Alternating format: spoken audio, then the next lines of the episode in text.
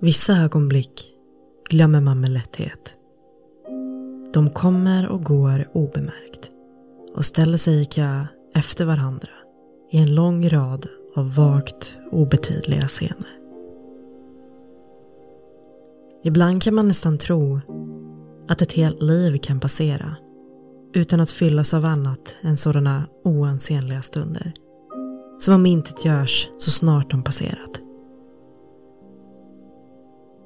Endast ett fåtal stunder överlever tidens grymhet. Men de skiner i gengäld tillbaka genom tid och rum med sådan skärpa att de lika gärna kunnat vara skulpterade i granit och lysta med Prometheus eld. En sensommarnatt i augusti 1955 har blivit just en sådan där förfärligt skinande stund för mig. Jag var underläkare och hade jour den kvällen. Men överläkare Gustavsson hade tyckt att det var så lugnt på avdelningen att jag kunde gå hem och vila. Vanligtvis hade jag protesterat men i hemlighet uppskattat en sådan order. Man tar inte sin nattsömn för given som underläkare. Men den här gången var det omöjligt att slappna av. För jag hade sett de där svarta kärnögonen stirra tillbaka på mig. Hur står det till med Karlsson? Hade jag frågat när jag sett honom. Men egentligen hade jag inte behövt höra överskötarens svar. För jag visste allt redan då. Jag hade gått tillbaka till rummet som jag förfogade över, Gustavssons läkarbostad, för att läsa. Men klumpen i magen vägrade lämna mig. Luften gick inte ner i lungorna och tankarna vägrade skingras.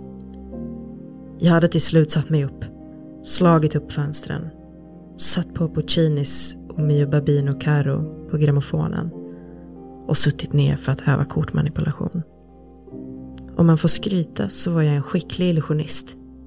Solfjädrarna och enhandskuperingarna avläste varandra och flödade fram med sådan lätthet att Houdini själv hade häpnat. Så jag gjorde det jag gjorde bäst.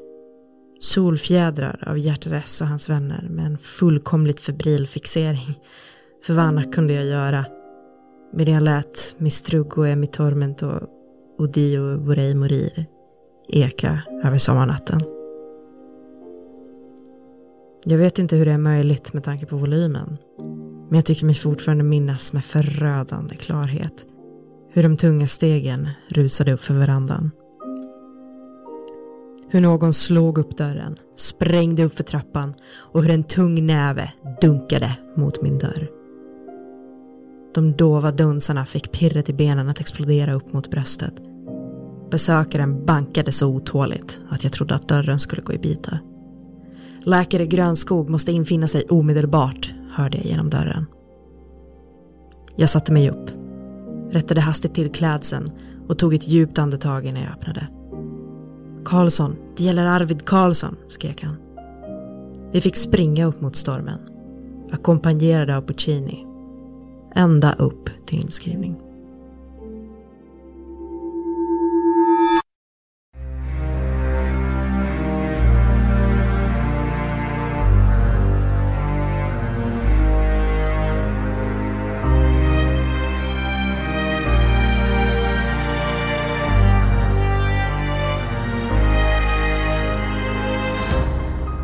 Du lyssnar på Sinnets historia med mig, Michelle Jerko.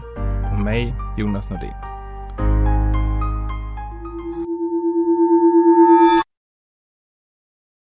Ja, det stormar på stormen i tredje avsnittet av Sinnets historia. Jag heter Michelle som sagt. Och jag heter Jonas. Eh, och vi är två historieintresserade PTP-psykologer som eh, även gillar att dyka ner i psykofarmakologi.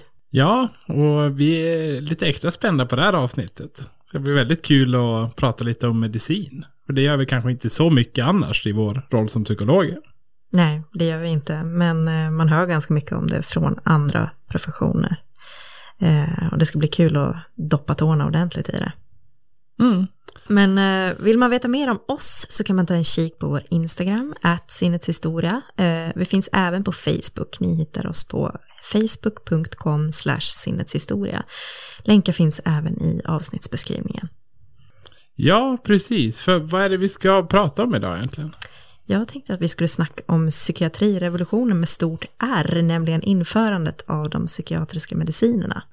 Ja, och det blir jättespännande tycker jag att höra mer om. För det är verkligen något som har påverkat ja, men, vården av all psykisk sjukdom. Även om det började liksom med de kanske svåraste patienterna. Ja men verkligen. Och alltså, nu, nu för tiden är ju medicineringen allestädes närvarande. Den är ju verkligen överallt. Eh, men jag är ändå lite förvånad över att vi inte diskuterar det här enorma som var införandet av psykiatrimedicinerna mer, för att det går i princip att jämställa med penicillinet när det kom. Alltså det var en sån otrolig skillnad att det gick liksom inte att jämföra nästan. Alltså det var från, från en dag till en annan ett helt annat läge. Mm. Det blir lätt att man, man tappar bort det lite grann. Och det var ändå relativt ny, nyligt det här. Det är väl runt 50-talet vi kommer, alltså i tid liksom. Ja, det är nytt i tid, men det är ändå en liksom medicinhistorisk atombomb liksom. Mm. Som egentligen inte diskuteras särskilt mycket. Nej, precis, utan det är mer, ja, Alltså, ja, det är lätt att man tappar bort det. Man är för, vi är födda på 80 och 90-talet. Liksom. Det, är som, det är svårt att föreställa sig hur eh, mentalsjukvården såg ut för liksom, 60-70 år sedan. Eller hur? Och ja. det, jag tror att det är svårt för folk som kom in fem år efter att medicinerna kom. Liksom. Men ja, det, det blir revolution på temat här i Sinnets historia avsnitt 3. Är du peppad Jonas? Jag är väldigt peppad. Härligt. Då ska vi se hur Ingrid och gänget tar sig an den här utåtagerande patienten.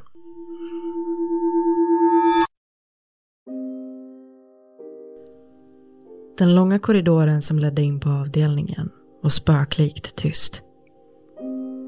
De sedvanliga utropen hade dött bort och ersatts av mättad, lyssnande stillhet. Den låg kompakt om de avlägsna skrik som ekade från ändan av gången. Jag visste precis vad de där skräckinjagande avgrundslätena betydde. Det hade skett igen. Kanske en gång för mycket. När överskötare Liljegren och jag slog upp dörrarna stod ett dussin skötare i ett hörn av rummet och höll på med att försöka komma åt en lång och stadigt byggd gestalt med mörkt hår och allvarlig näsa. Mannen hade klättrat upp i en av sängarna närmast skottväggen och tvingat alla andra patienter som var förmögna att röra på sig mot det motsatta hörnet av rummet. Han svingade vildsint en skiffel mot skötarna för att hålla dem stångna. Överläkare Gustafsson skrek åt mannen att lägga ifrån sig vapnet omedelbart. Av någon anledning slogs jag av tanken att Karlsson var en desperat Napoleon omringad av ryssarna. Det var ett slag som inte gick att vinna.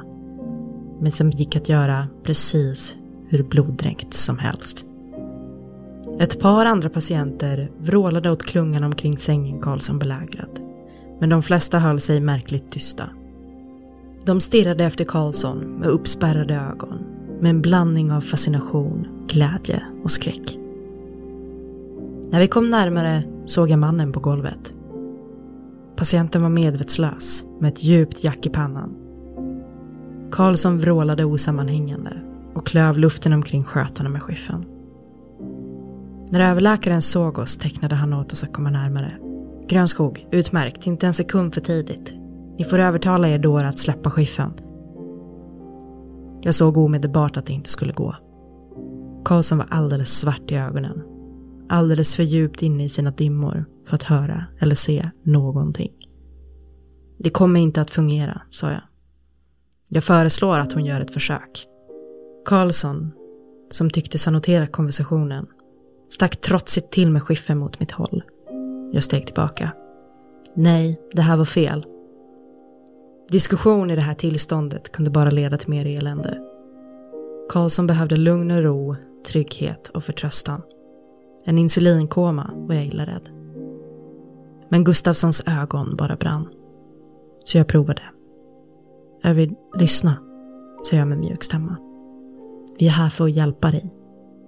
Försvinn, era satans kräk, skrek han tillbaka. Jag vet minsann vad ni är för ena. Jag ska ta er alla. Det gjorde ont i hjärtat att se honom, för den som haft nöjet att träffa honom för bara ett par månader sedan. Mannen var en oerhört begåvad musiker och dessutom varm, rolig och kvick enligt de bedrövade kollegor som levererat hans instrument till sjukhuset efter att han hade blivit inskriven. Karlsson hade spelat i stora orkestrar i Stockholm, i Helsingfors, Berlin, Paris och London. Visst var han tekniskt kunnig, men framförallt hade han en känsla för violinen som fick hans musik att vandra upp för ryggraden på åhöraren. Det var just genom hans spelande som hans och min osannolika vänskap inletts. Jag hade varit ute på gården när jag plötsligt hörde fiolmusik.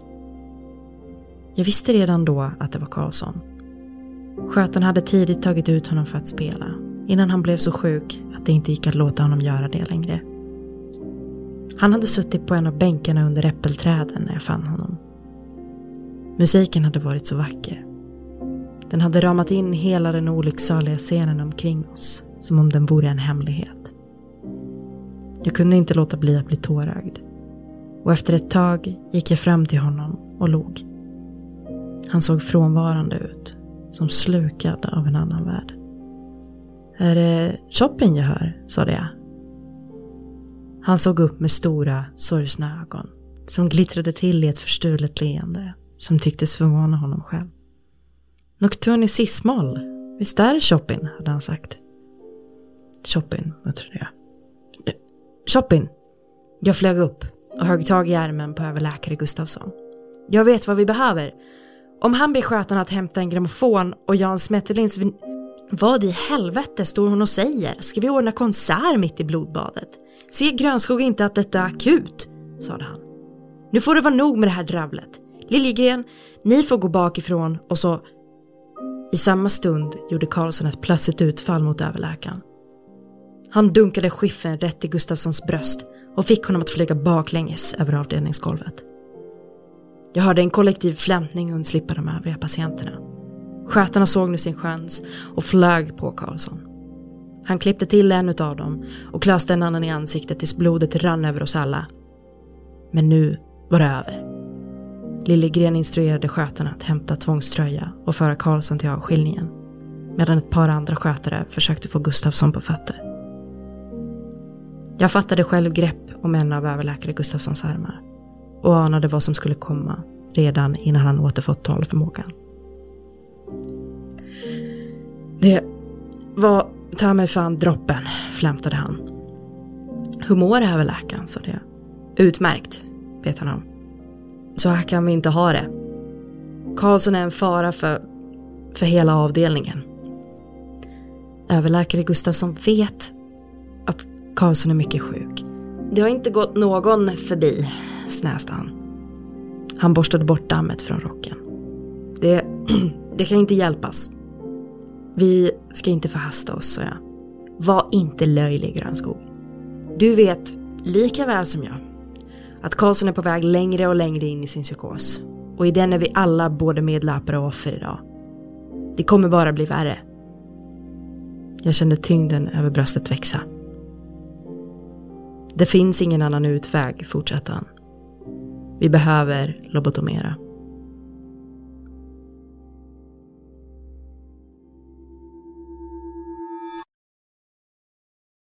Ja, och vi är alltså fortfarande på den här tiden när det inte var helt uteslutet med en lobotomi och det är det som ja, Ingrid får tampas med nu då.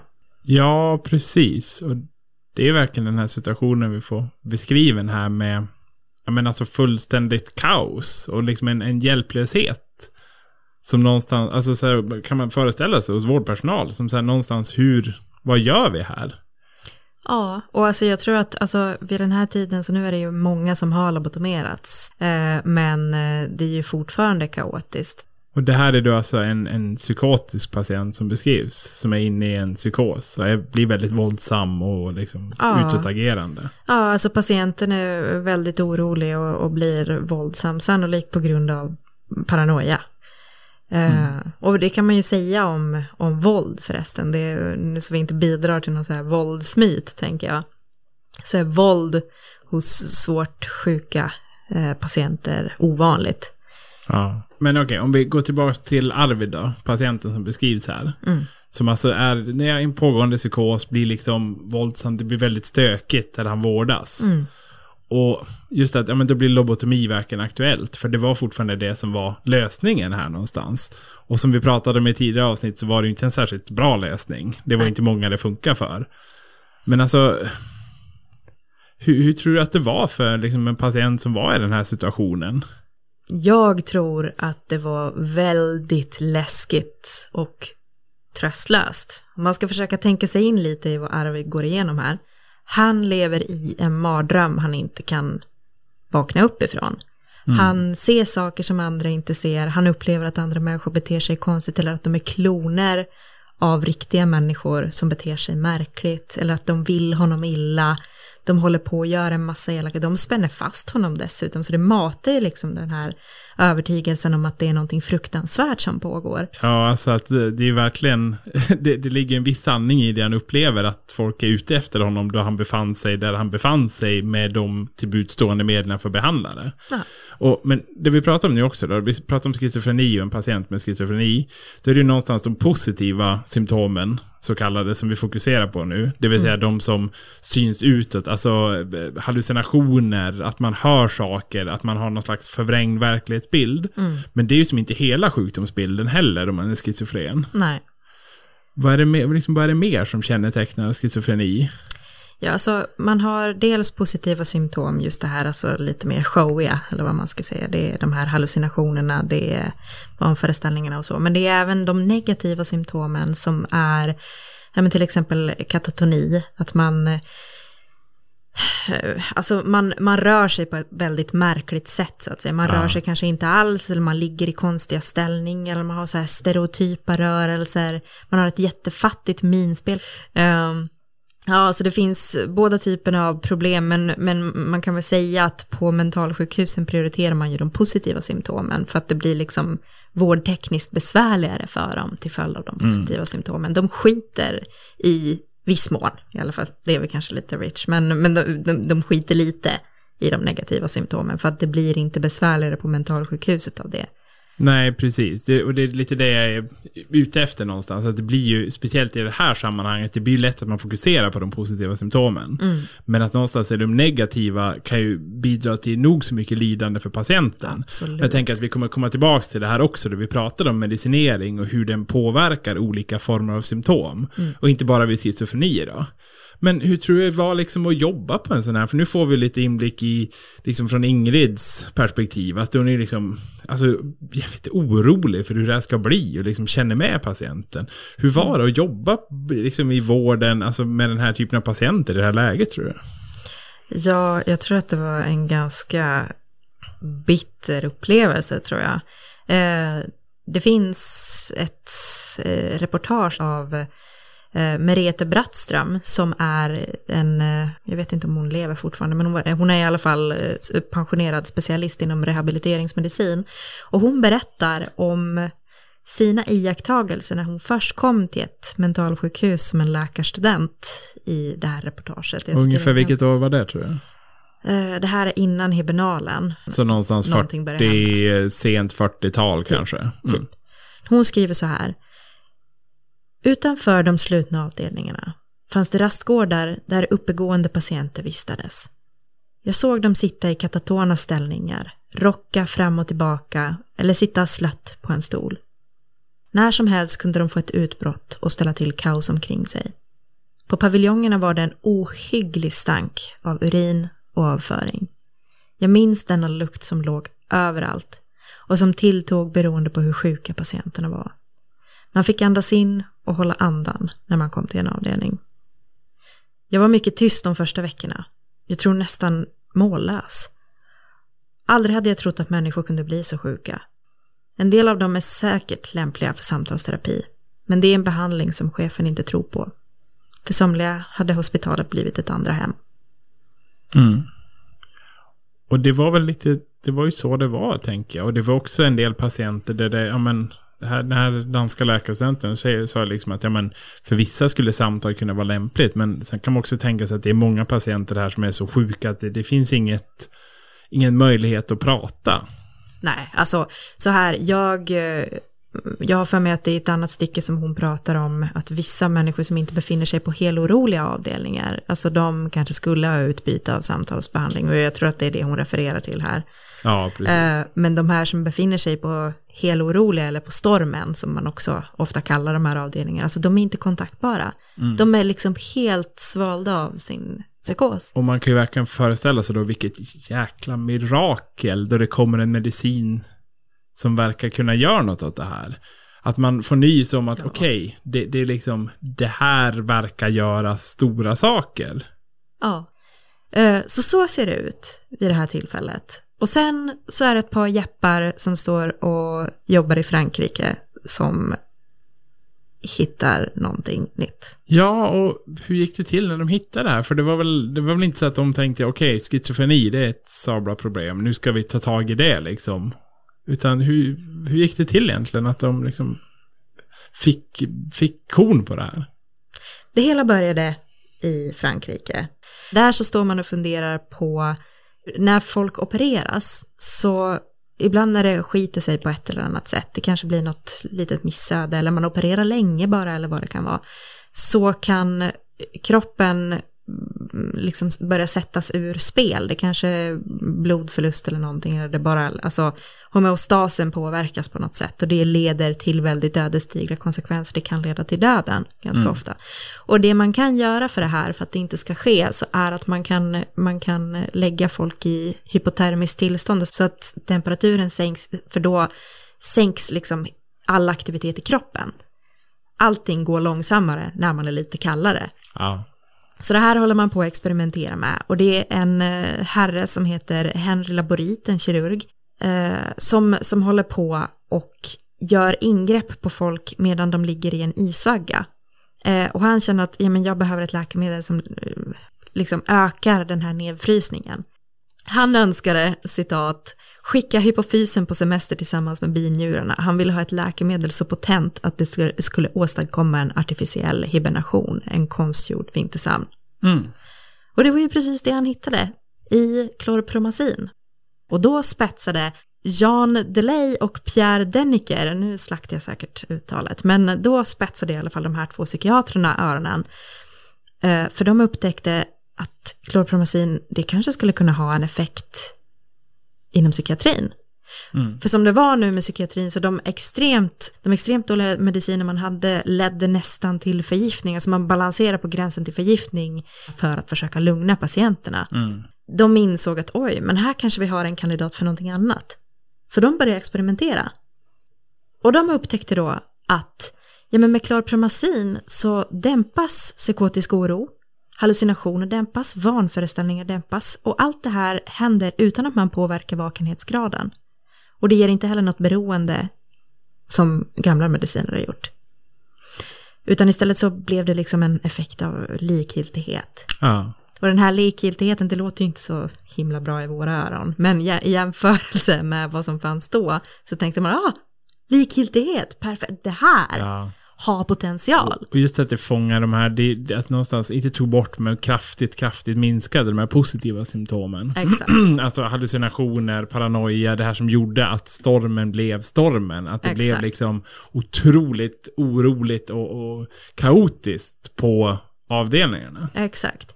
För det man var ute efter här, om man ska vara alltså, ganska krass, så är ju att man var ute efter en kemisk lobotomi. Alltså Ja. Någonting som skulle få samma effekt, men det skulle inte vara så här irreversibelt och illa på tusen sätt. Nej, och jag menar, och också så här som vi pratade om med lobotomin, att det var ju så här 33% blev bättre, 33% blev typ lika dåliga och 33% sämre. Så det var jävligt, det funkar ju inte jättebra. Nej. Men det här funkade mycket bättre på många fler. Ja, och så var det ju reversibelt. Du kunde ta bort hibernalen och så hade du inte åstadkommit någon eh, alltså, fruktansvärd skada som inte gick att ta bort. Nej. Och de, här, de höll på att experimentera lite. 1952 så hade de 40 psykotiska patienter på Saint Anne-sjukhuset i Paris. Eh, och de började först formulera sig lite försiktigt, men de kunde inte riktigt hålla sig, utan de skrev Vi kan ofta redan efter första injektionen märka effekter som öppnar vägen för en ny sorts psykiatri. Mm. Och det här det här, för mig så känns det verkligen när jag läser de här raderna så känns det som att du vet, they're holding on to their socks. För att de är så peppade. Ja. Alltså, när de uttrycker sig så här, alltså folk uttrycker sig så oerhört konservativt i olika typer av rapporter när det kommer till forskning och så här. Man vill ju inte liksom peppa på i onödan. Men för mig så känns det verkligen som att när jag läser de här raderna att alltså, de är så sjukt peppade på vad det är de har här framför sig. Det här kan vara början på någonting stort. Ja. Och, ja. Och det är det ju. Ja, för precis. att psykiatrin kommer aldrig bli densamma.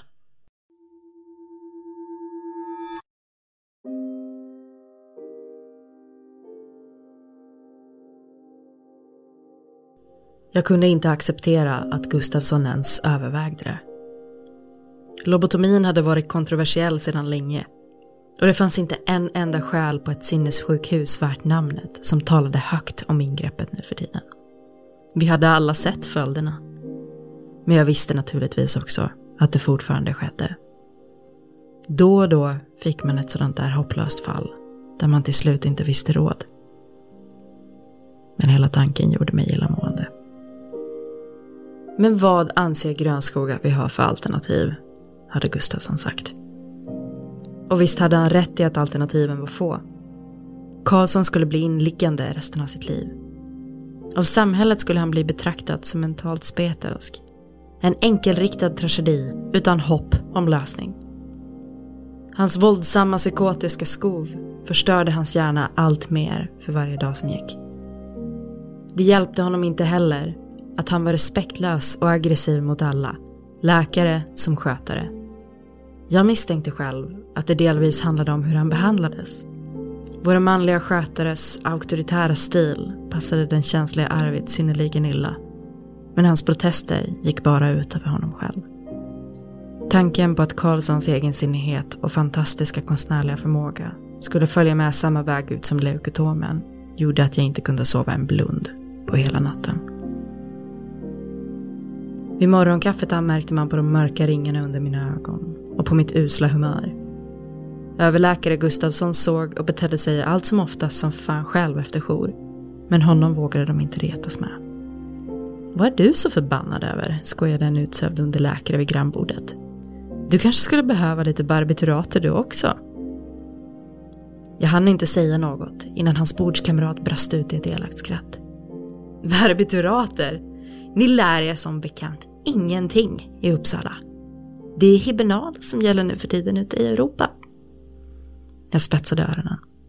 Den påstådda mirakelmedicinen, ja. Skulle man tro på ryktena från kontinenten var hibernalen lösningen på allt. Men så lät det också om lobotomin. Och vi visste alla hur det hade gått. Det var före min tid. Men likväl kände jag blodet som entusiasmen spilt på våra kollektiva händer. Ja, det lär väl gå som med lobotomin, sa jag. Det tror jag inte. Det är helt otroliga resultat, Grönskog. Jag har läst om dem, nickade Uppsala-antagonisten nöjt. De håller på att utvärdera tribunalen på Mariebergs sjukhus i detta nu. Jag tog ett par klunkar av mitt kaffe. Låtsades inte höra medan de försökte dra in mig i sitt kiv. När de gjorde min av att gå stoppade jag dem i dörren. Du, vill du vara snäll och visa mig vart du läst om det där?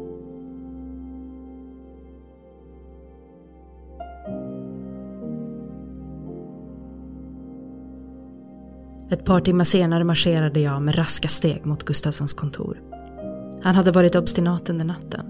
Men med ett konkret alternativ kanske attityden skulle vara annorlunda. Jag hade fel. Maken till fräckhet. Grönskog har garanterat mer brådskande ärenden på annat håll, anmärkte han med mörk uppsyn när jag klev in på rummet. När jag ursäktade mig och kom med artiga plattityder för att stilla hans irritation gav det motsatt effekt. Likväl föreslog jag att vi skulle prova mirakelmedicinen på Marieberg. Gustafsson stirrade på mig utan att säga ett ord. Jag sade att barbariet som varit lobotomin måste få ett slut och att detta var psykiatrins sanna framtid. Gustafsson skakade på huvudet. Ja, men den psykiska ohälsans gåta är nära sin lösning och Och överläkare Gustafsson har möjlighet att bli en av de svenska pionjärerna. En framtidens och vetenskapens man, sa jag. Och försökte få det att låta som om jag trodde på det själv. Nej, nu får Grönskog ta sig samman och agera professionellt, sade han. Jag har hört om den där hibernalen.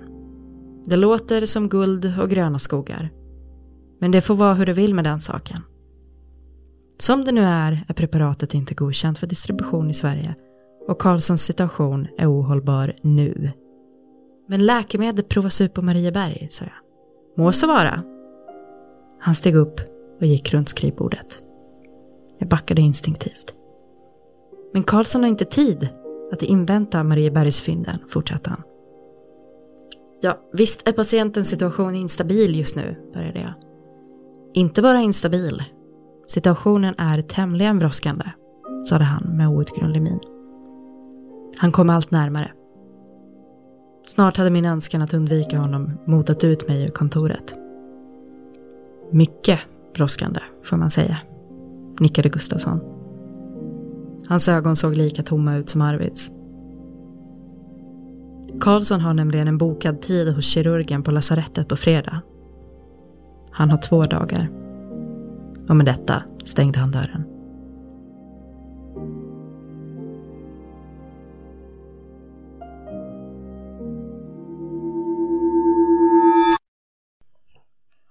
Ja, han...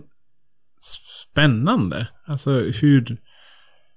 Ja, men jag vet inte, det man kan verkligen föreställa sig så här, man har haft en patient som har det, det har varit helt oframkomligt, det har varit kaotiskt, det är liksom står inför att nej men nu måste vi in och skära hjärnan liksom. Om inte det här fungerar. Och jag kan verkligen tänka mig att det var liksom den här verkligen spänningen och förväntan man kände inför alltså varje patient i början. Som man prövade behandla. Ja, det tror jag. Sen så kanske det inte var att man stod mellan lobotomi och hibernal i de här lägena alltid. Men det var på, i vissa fall så höll man fortfarande på med lobotomi, särskilt när det var väldigt besvärliga patienter. Mm. Så, så kunde det hända. Det hade börjat gå, klinga av, men, men det var fortfarande någonting man ställde sig inför. Men den här spänningen inför ja. att prova hibernal, den måste ju ha varit helt otrolig. Ja, nej men verkligen. Alltså jag, jag kan känna bara så här, jag kan nästan känna den spänningen då man träffar patienter nu då man arbetar från besök till besök. Mm. Och, och, man hoppas liksom att så här, jag undrar vad som har hänt. Jag undrar om, om det har blivit lite bättre, lite sämre. Men här har man ju som en, dels har man ju så här symptom som är så otroligt starka och tydliga. Mm. Men man har också så här någonstans hoppet om en alltså, fullständigt radikal förändring. Och liksom inte bara en revolution för psykiatrin, utan en revolution för den enskilda individen. Ja.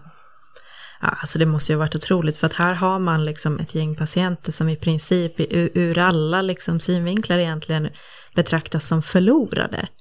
De är ja, men dömda till någon slags så här vaket vandrande genom dödsriket i resten av sina dagar för att vara dramatisk, men it's pretty much true. Och sen så får man höra ni som att det är några fransmän som hittat någon mirakelkur som nu börjar rullas ut så det bara eh, skvätter om det. Och att den här medicinen ska kunna göra det omöjliga. Eh, alltså det måste ju, det måste ju ha varit som man knappt gick hem liksom, utan man bara hängde där för att, att få se de här effekterna. Ja, och, och det väckte ju verkligen, alltså hela, nu går vi händelsen lite i förväg, men det väckte ju man förstår ju verkligen att det väckte den här, det här hoppet om att, nej men nu ska vi lösa mänskligt lidande i princip. Ja. Visst, vi börjar med de här absolut värsta, med, med psykoserna, med de positiva symptomen, men varför skulle vi inte kunna behandla allt ja, på ja. det sättet? Nej men precis, och det var, ju, det var ju verkligen så det upplevdes.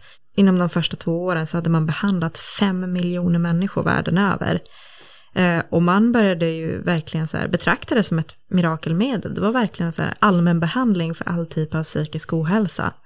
Eh, det är en kille som höll ett tal, en gammal läkare som jobbade på Douglas-sjukhuset i Montreal under 1952. Och då hade han med sig en grupp läkarstudenter och de var där och observerade två unga schizofrena som ja, men gick runt och gestikulerade och pekade mot taket och så.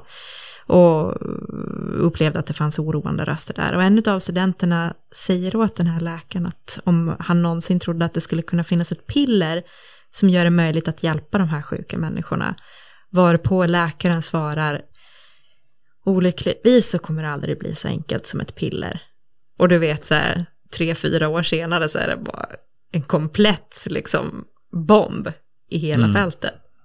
Det, det måste, alltså jag ryser när jag tänker på det. Alltså utifrån den tidens perspektiv. Ja, men det är så omskakande. Det är som att vi nu skulle liksom, vi, vi är någonstans i, jag menar, vi, vi, är extremt oroliga för, för miljön, liksom, för vad som ska hända, hur ska vi klara globala uppvärmningen? Mm. Och tänker liksom att om, om, om ett halvår mm. så det, upplever man att det är helt löst. Mm. Vi har, så här, vi har upptäckt någonting som bara tar bort det. Mm. Vi behöver inte oroa oss för det. Mm. Jag kan tänka mig att det var så upplevelsen var av det här.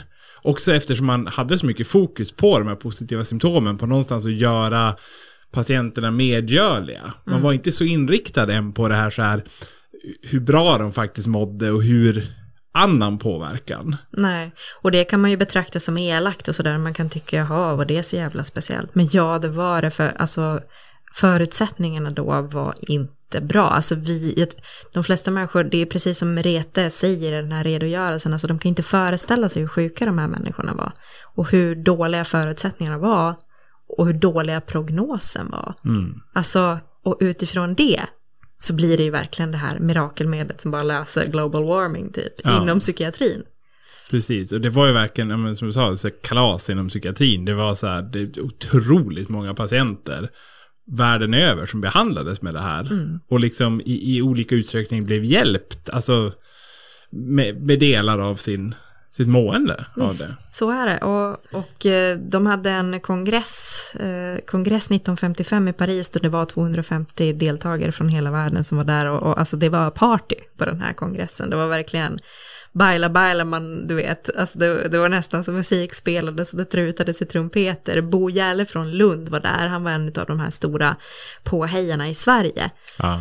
Eh, och han, han sa det att alltså, entusiasmens vågor svallade högt. Eh, och eh, ja, de var väldigt glada, men framförallt representanterna från stora mentalsjukhus var helt extatiska, för där hade man ju så himla många patienter, man hade få läkare och ett väldigt stort klientel med schizofrena där alltså man hade känt en så oerhörd vanmakt inför behandlingsuppgifterna så man kände att det fanns ingenting man kunde göra. Nej. Så där var det party och det här partyt spred ju sig då eh, till Sverige. Eh, mm. Ungefär 19, 1955 gjorde man ju den här, den här första utvärderingen på Mariebergs sjukhus och efter så rullar man ut det fort som attan. Ja. Eh, det är få tillfällen som en ny behandling verkligen förändrar medicinhistoriens gång, men det gjorde det i det här fallet.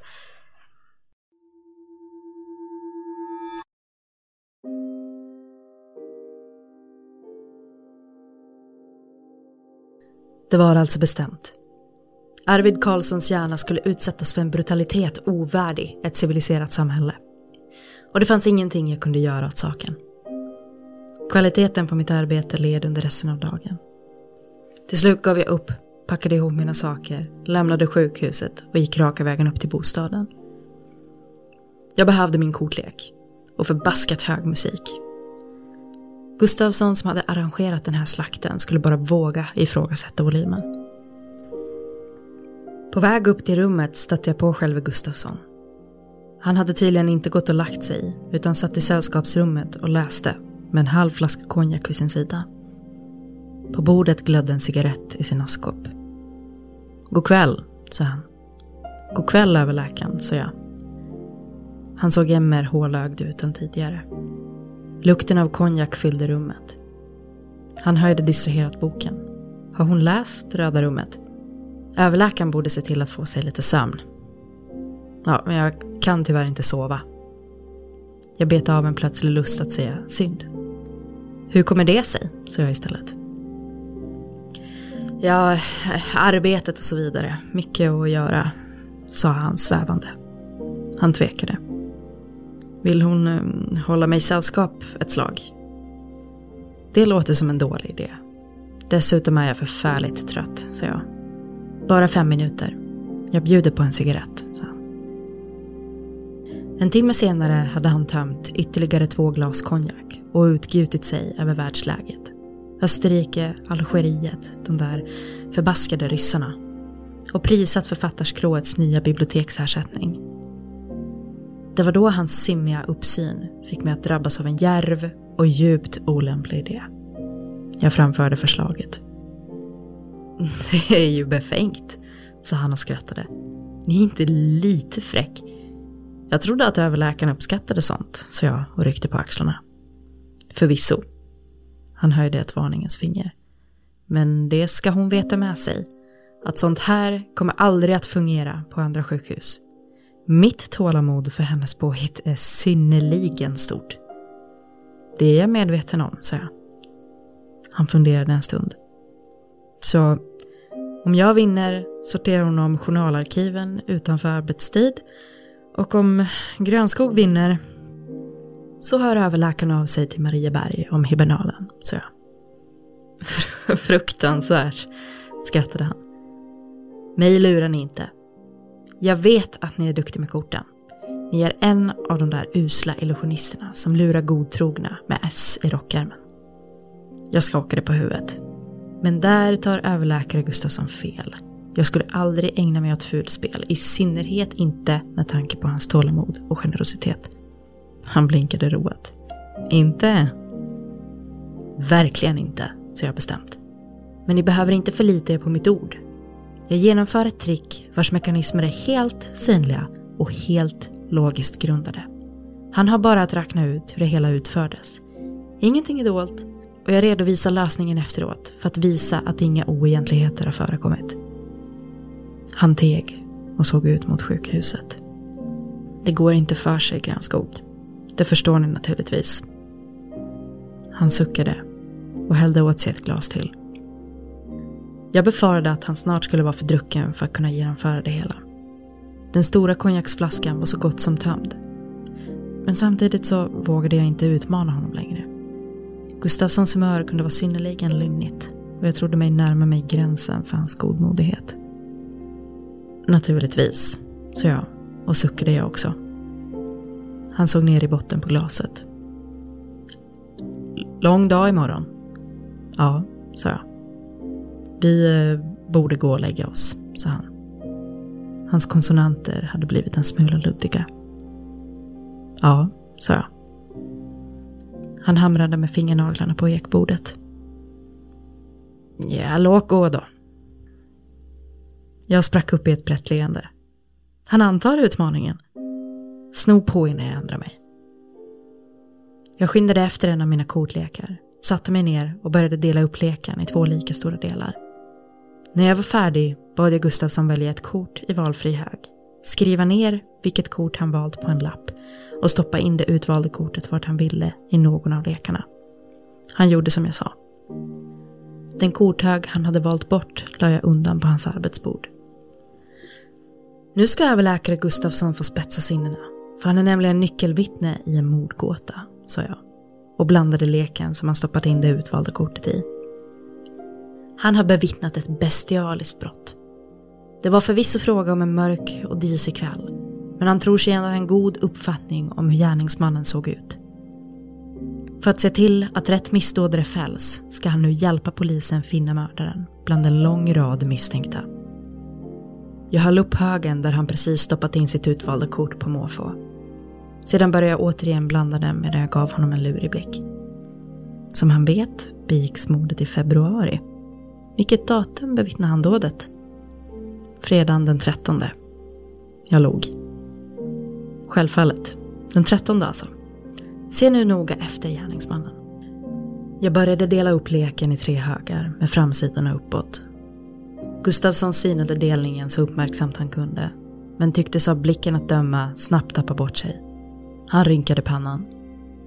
När jag var färdig bad jag honom peka på den hög där han sett mig lägga sitt kort. Mitten, sa han efter en stunds tvekande. Utmärkt. Jag samlade ihop de små högarna i tur och ordning och började omedelbart lägga ut dem i tre högar igen. Nu får vittnet återigen syna de misstänkta i olika konstellationer för att vi ska kunna försäkra oss om att vi har rätt man. Var hamnade kortet den här gången? Jag la ut högarna på samma vis som innan. Gustavsson pekade nu ut högen till vänster. Strålande, strålande, mumlade jag eftertänksamt. Jag samlade ihop de små högarna på samma sätt och la ut dem i tre nya högar i turordning. Och en sista gång. Till vänster igen, sa han när alla korten var utlagda. Han sluddrade märkbart. Jag samlade ihop dem på samma vis igen. Inspektören har nu noga synat bevisningen och övervägt överläkarens observationer, sa jag. Se nu här. Jag började uppifrån och lade korten i tur och ordning med framsidan uppåt.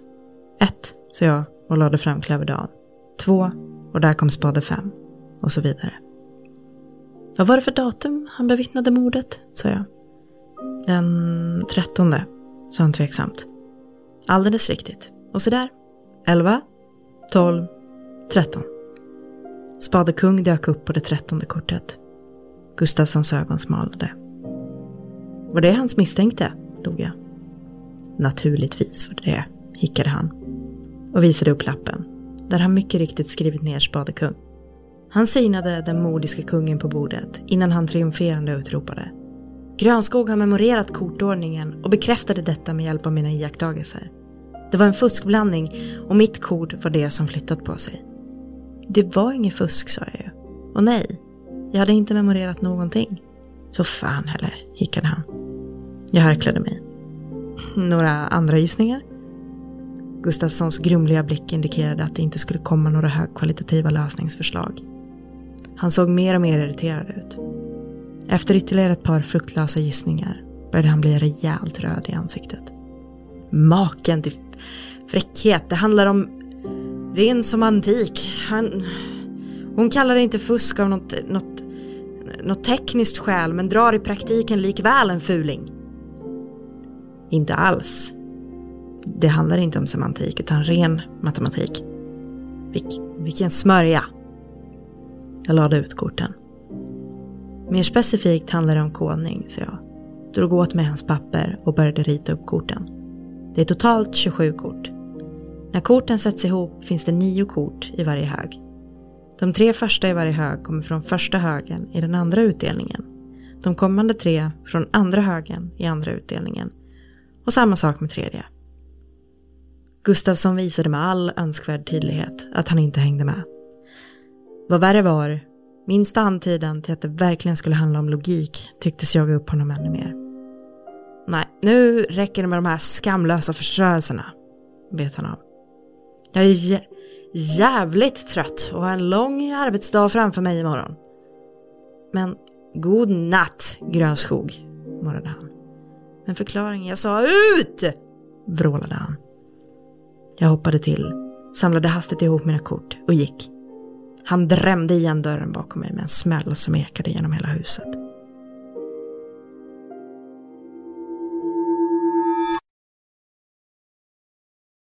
Ja.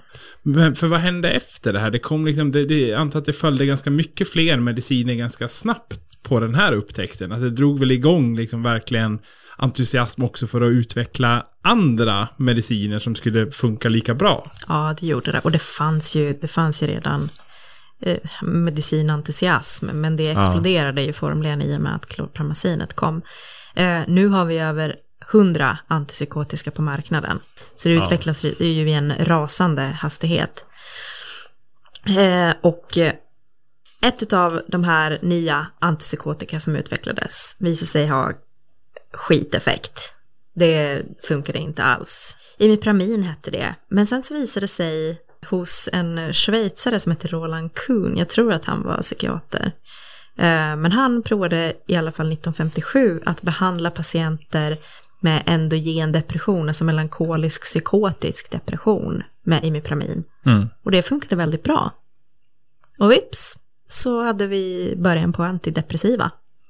Mm. Så det kom liksom, det föddes egentligen ur det här. Alltså den, man försökte göra något som liknade antipsykotiska och så testar man det och så visar det sig, oj, det har liksom en, av någon anledning så hjälper det här på deprimerade patienter med viss typ av problematik. Ja, det var i princip så det, så det, det hände i misstag i både fallet antipsykotika och i fallet antidepressiva. Mm. Eh, det var inte planerat. Eh, och jag har för mig att det var så med bensodiazepiner också, men jag vågar inte utveckla det. Men de kom i alla fall på 1960-talet. Eh, och det är ju för oro och ångest och sådär. Ja.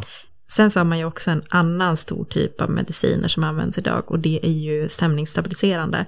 Egentligen visar det sig att det redan på 1800-talet var två danska brorsor som hade upptäckt att litium funkar ganska bra på återkommande episoder av uppåt och neråt eh, förstämning.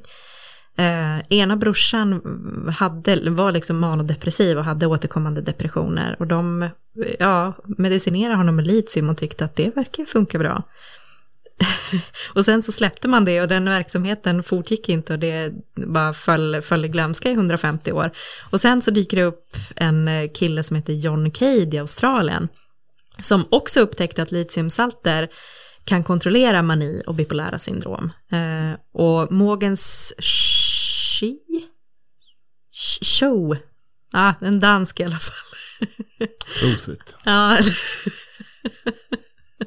han, eh, han fann att man kunde både slippa depp och mani med hjälp av litium och han kartlade det här med litiumanvändning väldigt mycket och rulla igång hela mm. grejen. Så också i ungefär samma veva ja. så löste det sig med bipolära eh, syndrom. Då kom också en medicinsk behandling som liksom... Ja, hjälpte med helt, det. Helt så, alltså, ja, exakt. Och alltså, man, kan, man kan ju egentligen säga att det är, liksom, det är under nästan ett... Det är ungefär ett årtionde här som det bara liksom lossnar. Det bara bam, bam, bam, ja. bam, bam, nya mediciner. Det måste ju, alltså, det måste ju ha varit party i korridorerna. För att det är ju helt magnifikt hur mycket det lossnar. Ja, um, precis. Och liksom för, för olika åkommor och ja, verkligen över brett spektrum av problem. Ja, alltså i princip alla de här alltså stora problemsyndromen blev ju åtgärdade. Ja, men bipolär sjukdom, eh, schizoaffektivt syndrom, schizofreni och den här alltså svåra depressionen. Ja. Alla de fick liksom någon typ av om inte lösning kan man ju inte kalla det, men någonting som avhjälpte symptomen rejält. Exakt, liksom en bra, ett bra behandlingsalternativ. Men vad var det, om, om vi pratar om hibernal då, som är det vi hörde exemplet här med Arvid och Ingrid och som vi med spänning väntar på att se om. Mm. Vad var liksom, vad var nackdelarna då? Hibernal ledde ofta till darrningar och skakningar. Det var muskelkramper och rastlöshet ofrivilligt grimaserande och egendomliga tungrörelser bland annat. Man kunde bli väldigt trött och man kunde få hudallergier och missfärgningar av eh, hud som utsattes för solljus på olika sätt. Och av det skälet så blev det så att folk fick väldigt ofta gå runt i hatt eh, på de här avdelningarna där hibernal användes. Och det började kallas hibernalhatt för att det var så utbrett. Så man satt så där i i skuggan typ med ja. sin hibernalhatt för att inte bli röd och blå. Så det var egentligen en hel uppsjö av liksom biverkningar och bieffekter. Ja. Som så här, alltså ja, det, det, här absolut största försvann. Det här som var mest synligt och kanske framförallt det som blev problematiskt för omgivningen. Ja. Men det nästan förstärkte allt det andra. Ja, alltså eh, det, det fanns i alla fall kvar en massa negativa symptom och en massa horribla bieffekter tillkom. Ja. Eh, så man kan ju definitivt fråga sig om ja, men hur mycket bättre blev alltså, den subjektiva upplevelsen. Ja, exakt. Eh, och på ett plan så tror jag säkert att det blev bättre för att man slapp väldigt mycket extremt läskiga hallucinationer och så. Uh, man, man slapp många av sina vanföreställningar och lärde det. Men samtidigt så fick man en hel drös med allvarliga biverkningar som bara, man bara förväntades dras med. Ja. Uh, så det var nog lite dubbelt. Ja, och jag tänker att det är verkligen det här, saker vi pratade om nu, alltså i ett lite bredare perspektiv, där det kommer till medicinering vid all medicinering egentligen, men kanske framförallt relevant här då för psykisk sjukdom, att man har så här man har för och nackdelar, man har balansen mellan vad får man, vad tar man bort eller vad dämpar man och gör liksom bättre för patienten. Mm. Men och biverkningarna då, liksom vad, vad blir priset någonstans? Och vad blir, ja men, vad blir kostnaden framförallt för patienten i, i annat lidande? Uh, och att det hela tiden är det man har att förhålla sig till. Men en sak jag undrar, för, för nu är det också så att modern medicin mot schizofreni och det är ju inte hibernal som används nu, utan det finns ju betydligt bättre medicin vid psykossjukdom. Mm. Som liksom inte har den här uppsjön av biverkningar. Nej, alltså, och det som faktiskt, för man har ju utvecklat eh, hundra olika antipsykotika, men det är faktiskt så att det är enbart klozapin som har gett en, som gav en större effekt. Men däremot så har man utvecklat så här förbaskat många antipsykotika just för att göra någonting åt de här bieffekterna. För att de här nya som har kommit så är mycket eh, mildare biverkningsmässigt. Och det är därför man har så många att välja på för att patienten ändå ska kunna ha ett så bra liv som möjligt medan den tar den här medicinen. Exakt, och då blir, kommer vi tillbaka till det här balansen mellan liksom för och nackdelar, Ja. mellan e- effekt och biverkningar. Ja. Och det är inte så enkelt som att säga det här har mest effekt, eller det här har minst biverkningar. Nej, Utan, och det är också individuellt som du säger. visst, det är en komplicerad avvägning. Och det är faktiskt intressant, alltså just när det kommer till antipsykotika så har man kommit fram till att just olika typer av icke-farmakologisk behandling, som till exempel kognitiv träning och lite mer inne på vårt område som psykologer, ger väldigt bra effekt där effekten stannar vid antipsykotikan. Så kan man istället ta vid och med hjälp av kognitiv träning och sådär hjälpa patienten att minska symptombilden ytterligare. Exakt, och jag tänker att det kommer vi komma tillbaka till mer, någonstans det här att det inte, det är sällan att bara medicin löser hela problemet, utan det, det träffar ofta en del liksom, av symptomet vid psykisk sjukdom. Ja. Och sen finns det möjlighet att gå vidare med andra saker. Och med, vi- vid viss psyk, psykisk sjukdom, då är det liksom så låst innan du fått medicin att det är svårt att göra de sakerna. Men att medicin är något som kan låsa upp och möjliggöra.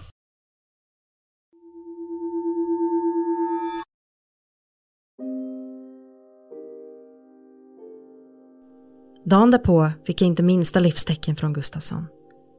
Jag patrullerade korridorerna på såväl stormen som halvoroliga avdelningen. Innan jag till slut gick till mitt kontor och började arbeta med dokumentation. Klockan var nästan 16 och jag hade börjat fundera på hur jag skulle orka med nästa natt när någon knackade på min dörr.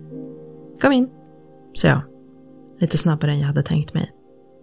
Det var inte Gustafsson, utan en skötare. Uh, ursäkta men har eh, underläkare Grönskog tid en minut? Jag är tyvärr upptagen, sa jag torrt. Ursäkta. Han harklade sig och stängde dörren. Men sen öppnade han igen. Ja, underläkare Grönskog får lov att ursäkta men mitt ärende är kort. Överläkaren låter meddela att han kontaktat Marieberg och att uh, försändelsen är på väg. Sen stängde han dörren. Jag stirrade ut över skrivbordet, bokhyllan och målningen. Där ett impressionistiskt Värmland bredde ut sig i sommarnatten. Uret på väggen till vänster om mig tickade till. Ett sådant besynnerligt pirr fyllde plötsligt bröstet på mig att jag sprack upp i ett fånigt leende och blev tvungen att stiga upp ur stolen. Det var som attan, skrattade jag. Ja, ja, ja! Jag kunde inte stå stilla. Jag fick en ingivelse att springa ut i korridoren och leta upp mina kollegor, men behärskade mig. Istället vände jag mig till fönstret, där stormens paviljong skymtade bland trädkronorna. Någonstans där borta, bakom tredje fönstret från höger, ett par steg bort i ett fönsterlöst rum. Kom igen nu Karlsson, viskade jag. Det är ditt drag.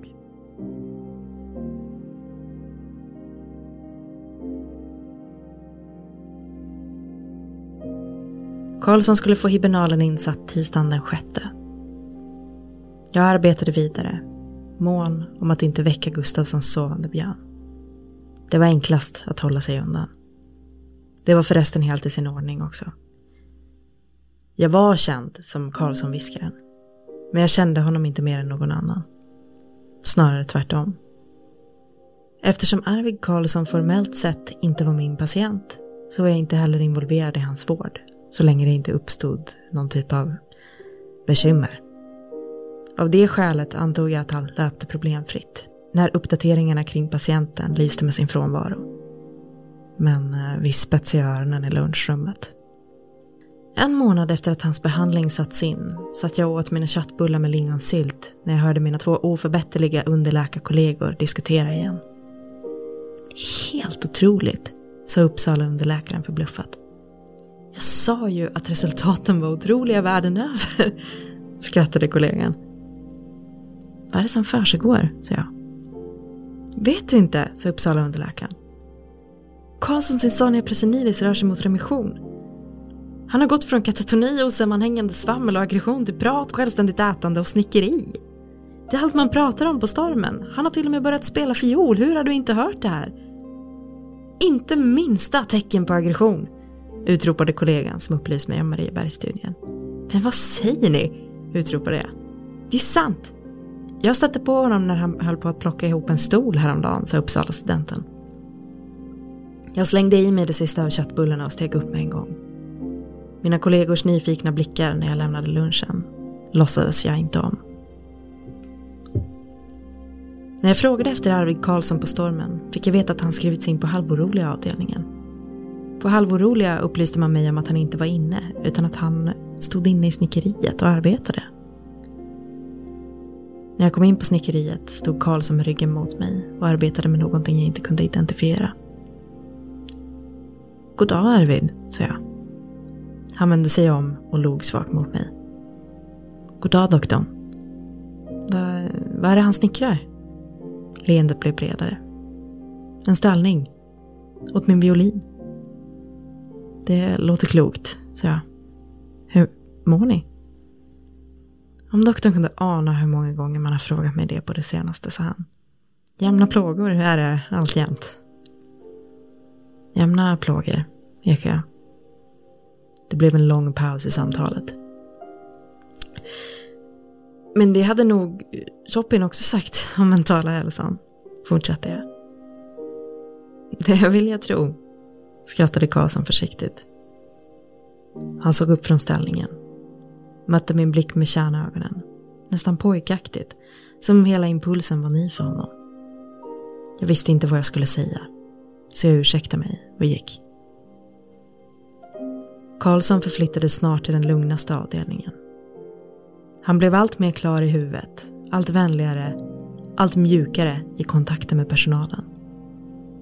Han klagade på trötthet, men fick gå ut och spela i Äppellunden tills vintern jagade bort honom. En kväll i mars kom Gustafsson till mitt rum med två glas champagne. Till Karlsson, sa han varmt. Jag skrev ut honom idag. Många patienter följde snart Arvid Karlssons fotspår. Hibernalen lanserades i hela Sverige en kort tid senare och vi skrev ut patienter i drivor. Snart kunde vi byta ut de fastskruvade sängarna och dekorera avdelningarna med gardiner och lunchrummen med finporslin. Många mediciner följde, men Arvid blev själva sinnebilden för allt det där för mig. Jag såg honom aldrig mera igen. Och det var en sorglig seger.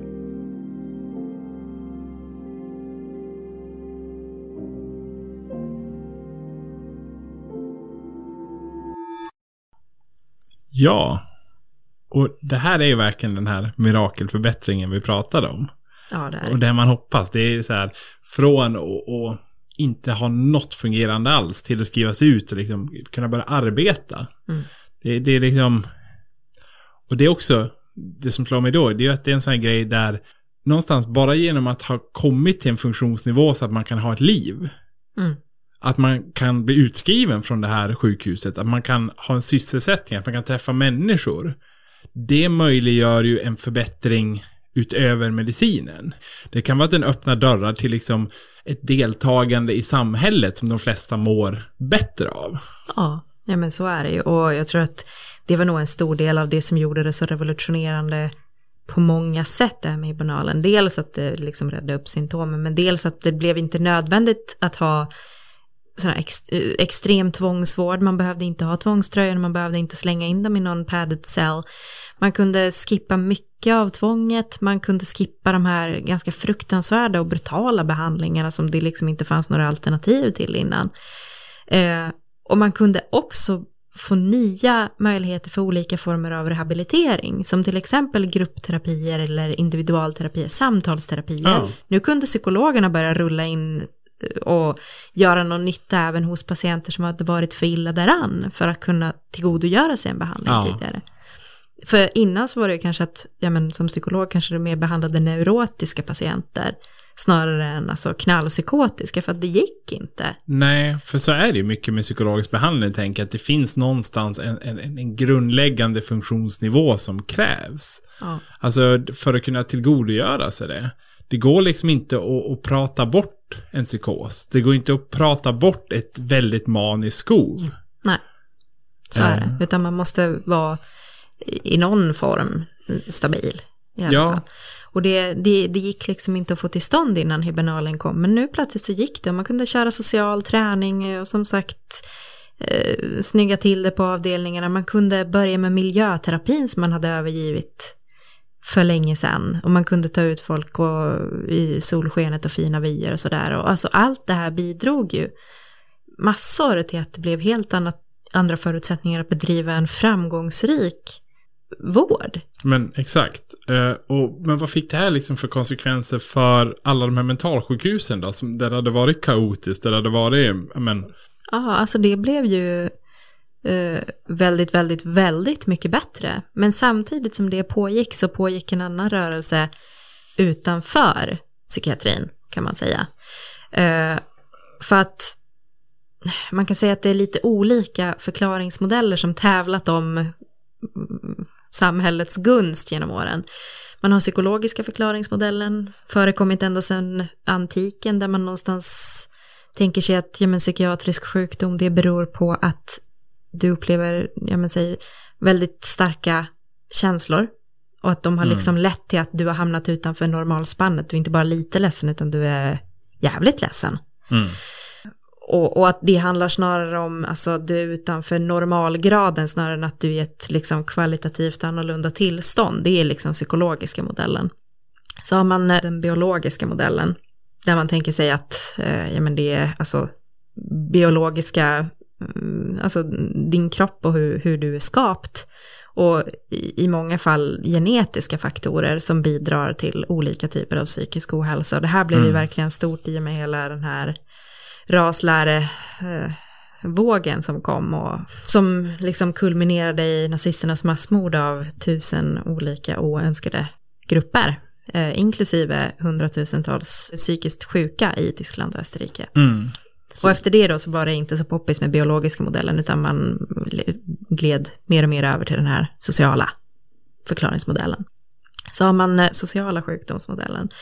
Där har man mer att det är liksom miljön och olika typer av sociala effekter eh, i, i ditt alltså, det sociala livet runt omkring dig som liksom ger upphov till sjukdomen. Och i vissa fall kan den där bli alltså, dragen till sin extrem så kan den bli lite konspiratorisk, att det nästan blir att ja, men, psykiatrisk sj- sjukdom är liksom ett hittepå som man skapat för att få undan personer. Ah. Foucault, eh, Michel Foucault var ju en ganska ivrig anhängare av det här exempelvis. Han, han var ju som kritisk till hur vi definierade psykiatriska sjukdomar och hur vi liksom skapade sjukdomsrollen, att det var någonting Ja. aktivt som gjordes för att få bort vissa oönskade grupper. Då finns det ju två aspekter av miljön där. Dels att så här, någonstans samhället gör viss typ av fungerande till något sjukt. Ja. Men sen tänker jag också att så här, mentalsjukhusen specifikt gör de personerna ännu sjukare. Exakt. Så de hamnar där, för det är en miljö. Och det kan man ju så här, den beskrivningen, att den miljön som beskrivs och som var ett faktum liksom på mentalsjukhusen, att nog, nog bidrog den till att man mådde ännu sämre. Det som vi pratade om, säg att man är schizofren och har liksom hallucinationer. Och så får man liksom, man hamnar i ett väldigt repressivt klimat. Och man blir utsatt för saker. Så det finns ju verkligen den här onda cirkeln. För å andra sidan är alternativet kanske att man inte är där och man, man, man dör helt enkelt. För att man har en sån funktionsnivå att det, det, man är inte kompatibel, man kan inte ta hand om sig själv. Nej. Nej men precis så är det ju. Så det är ju inte helt utan meriter, det kan man absolut inte säga. Än idag så, så stöder vi det här att det finns olika typer av sociala mekanismer och effekter som bidrar till en sjukdom. Men det där spårar verkligen iväg under 60 och 70-talet. Eh, och man börjar känna mer och mer att mentalsjukhus är bullshit. Eh, och det där blev ju lite matat dels av eh, den här Jökboet-filmen som var väldigt stor. Eh, och enligt vissa redogörelser så bidrog verkligen det här till att skapa en hel generations bild av psykisk ohälsa, hur det behandlades. Liksom. Ja. Eh, ja, så det blev en stor debatt under 60 och 70-talet om mentalsjukhusens vara eller icke vara. Eh, vänstern var väldigt emot det hela, eh, men även högern, dels, det känns ju lite stereotypt, men det var på grund av att det blev för dyrt med mentalsjukhus, så de tyckte inte heller det var någon bra idé. Och, så det, det blev liksom så att när, när det egentligen började finnas de bästa utsikterna för att verkligen behandla på ett bra sätt, då avvecklades det också ja, till förmån för annat. just det. Så vänstern tyckte det var inhumant och högern tyckte det var för dyrt. Ja. Det var som en sammanfattning av hundra år av politisk diskurs. Ja. Ja, Men det här fick alltså till följd att, eller det här och andra saker såklart, för jag tänker att själva upptäckten av medicinen är väl också en anledning till att man faktiskt kunde avveckla mentalsjukhusen. ja, så är det ju. För att man hade ju, eh, man kan väl inte säga att de hade gått okritiserade fram tills dess direkt, Nej. men att det var lite som, vad ska vi göra? Det, vi kan inte ha dem rusandes på gatorna omedicinerade, alltså, de, det är illa som det är på mentalsjukhusen i kontrollerad miljö liksom. Så man har egentligen, alltså man har ju många, många olika system tillsammans där, som, eller som används i, i olika utsträckning i olika tid. Ja, men ja, man kan väl säga generellt om de här förklaringsmodellerna så eh, har vi en liten tendens att förenkla oavsett vilken gren vi personligen tillhör, oavsett om det är socialt, psyko, psykologiskt eller biologiskt så finns det liksom den här lilla tendensen att favorisera en förklaringsmodell framför de andra. Ja, och där har vi även liksom det medicinska, för det är väl viktigt, för vad är skillnaden på en biologisk förklaringsmodell och en medicinsk? Ja, man använder sig alltså av en medicinsk förklaringsmodell som är en integrerad modell där man både snackar biologi, eh, känslor och det psykologiska och det sociala. Så man, man packar ihop allt och säger att ja, men alla påverkar. Eh, och psykiatrin är ju ändå på god väg att använda sig av det här, särskilt om man jämför med somatiken. Jo men verkligen, för att alltså, men, men jag tycker vi skulle behöva rama in det på något sätt. För att just nu, i nutid, nu är det någonstans ett försök till kombination av många olika modeller någonstans. Ja, Och, så, så du har den, så du har en massa olika sätt att se på det. Och liksom i vissa tid, vid vissa tidpunkter och vissa platser så blir en så dominerande att det får ganska absurda resultat. Ja. Och det finns så många olika perspektiv och det är så här, då man fastnar i att låta en sak förklara det. Att då är man någonstans illa ute. Ja, men jag håller med. Alltså, vi kan väl landa i att kroppen och, och psyket, alltså de, de, eh, de liksom gör upp ett komplext system tillsammans. Och komplexa system, de funkar inte enligt enkelriktade orsakssamband, utan allt påverkar allt, kan man väl sammanfatta. Och Ja. med, med de här perspektiven så fångar man in så mycket som möjligt. Och, men det som är intressant och som vi skulle kunna prata mycket mer om såklart, det är ju kanske alltså gruppen mot depression. Som verkligen är den som har blivit extremt vitt använd även vid kanske lite mildare problem. Mm. Alltså SSRI helt enkelt och varianter av SSRI. Mm. Och, och det är ju extra intressant med den typen av medicin eftersom vi pratar om det här då ett liksom paradigm får, eller liksom ett sätt att se på det får någonstans mer vikt än andra. Mm. Och en del i att medicinsk behandling, eller inte medicinsk behandling, alltså medicinering mot psykisk ohälsa Mm. har fått så stor spridning egentligen. Det är ju dels att det funkar väldigt bra för väldigt många, men det är också att det skedde en ganska aggressiv liksom marknadsföring av läkemedelsföretag, speciellt i USA, med Prozac och med liksom olika SSRI, SSRI-preparat. Alltså vi kan lösa din nedstämdhet. Vi kan ta bort den. Och då fokuserar man inte på så här att nej men, det är en pusselbit. Utan det är lösningen. Det här för, ju oss, eh, för in oss lite på en kritik som även har kommit i Sverige idag, att man, man upplever att alltså, det är en för stor bit av vården som fokuseras på specifik medicinering och att man, man skulle önska fler icke-farmakologiska behandlingar som till exempel samtalsterapi.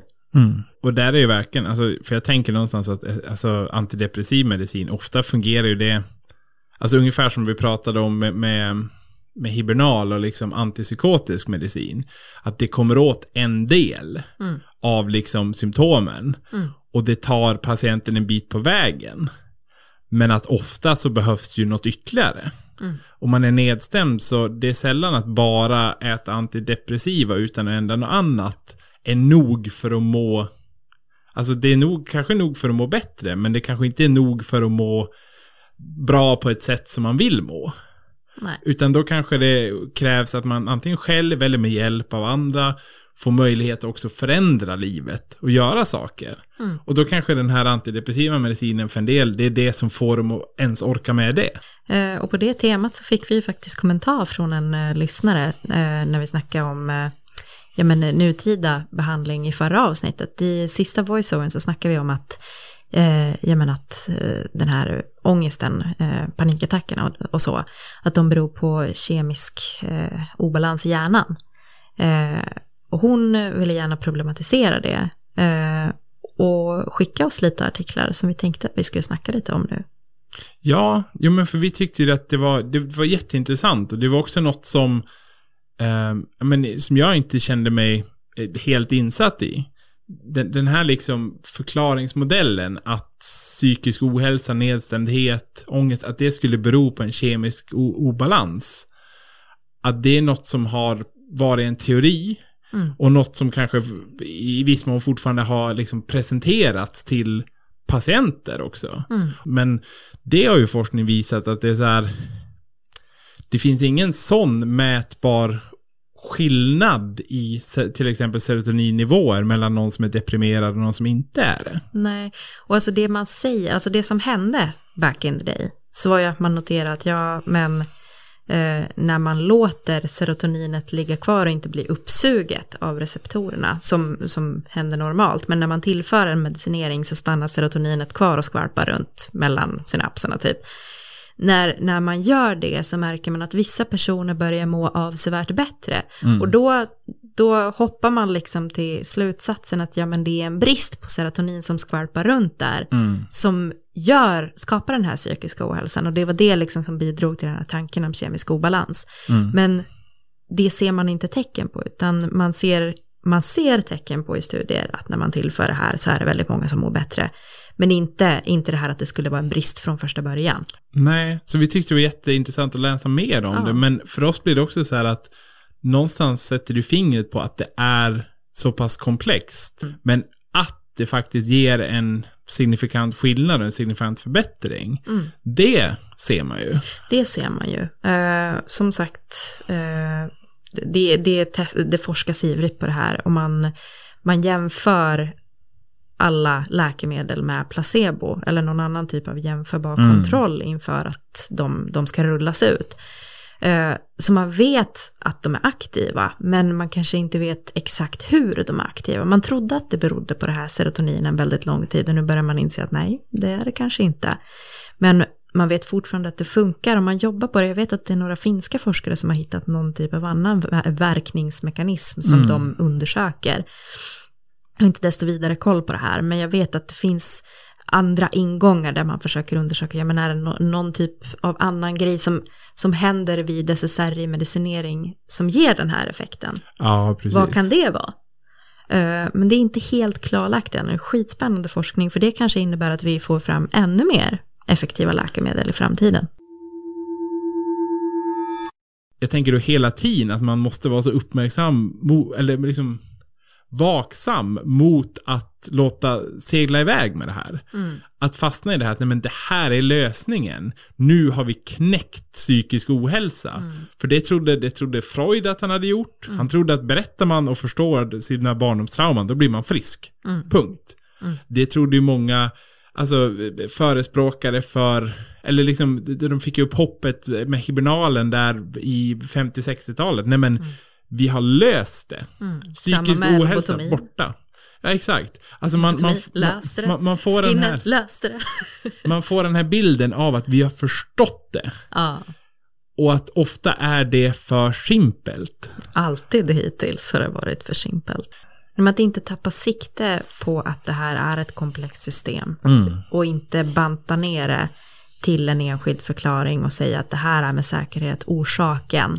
Det är det här allting bottnar i, till exempel kemisk obalanserande. Nej, det är inte orsaken. Men eh, det är någonting som man ser och det är någonting som håller kvar problemet. Det här kan vi jobba med. Ja.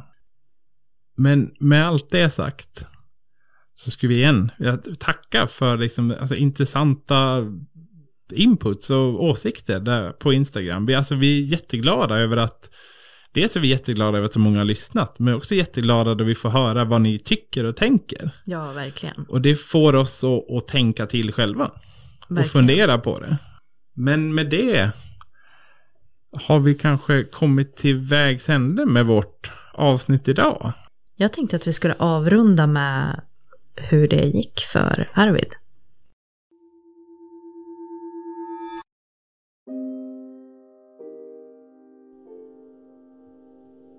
Det hade gått många år. Mentalsjukhusen hade börjat gå mot sin långsamma upplösning vid det här laget. Jag hade sedan länge avslutat min anställning och börjat arbeta på lasarettet när jag en kväll gick in på Konsum för att köpa mig lite mjölk till kvällskaffet. Jag hann ta mig till mejerihyllorna när jag plötsligt fick syn på en märkligt bekant profil i ena ögonvrån. Hjärtat tog ett skutt. Den skarpa näsan och de ostyriga svarta lockarna där strimmor av grått arbetat sig in i polisongerna. Var det möjligt? Jag försökte inledningsvis sköta mitt och låtsades studera utbudet. Men snart kunde jag inte längre hålla mig. Skulle jag? Men tänk om jag tog fel, så fruktansvärt genant. Jag stirrade på Arlas lättmjölk med oseende blick. Mannen plockade åt sig ett paket fil och gjorde en rörelse som för att gå. Kylens surrande bedövade mig. Så jag började vissla. Ett par kunder vid frukten kastade tvivelaktiga blickar på mig medan mina läppar tafatt efterapade de svepande ikoniska fraserna. Då vände sig mannen till mig och de klara, sorgsna kärnögonen lyste upp av munter förvåning. Ta mig sjutton om det inte är Nocturne jag hör. Skrattade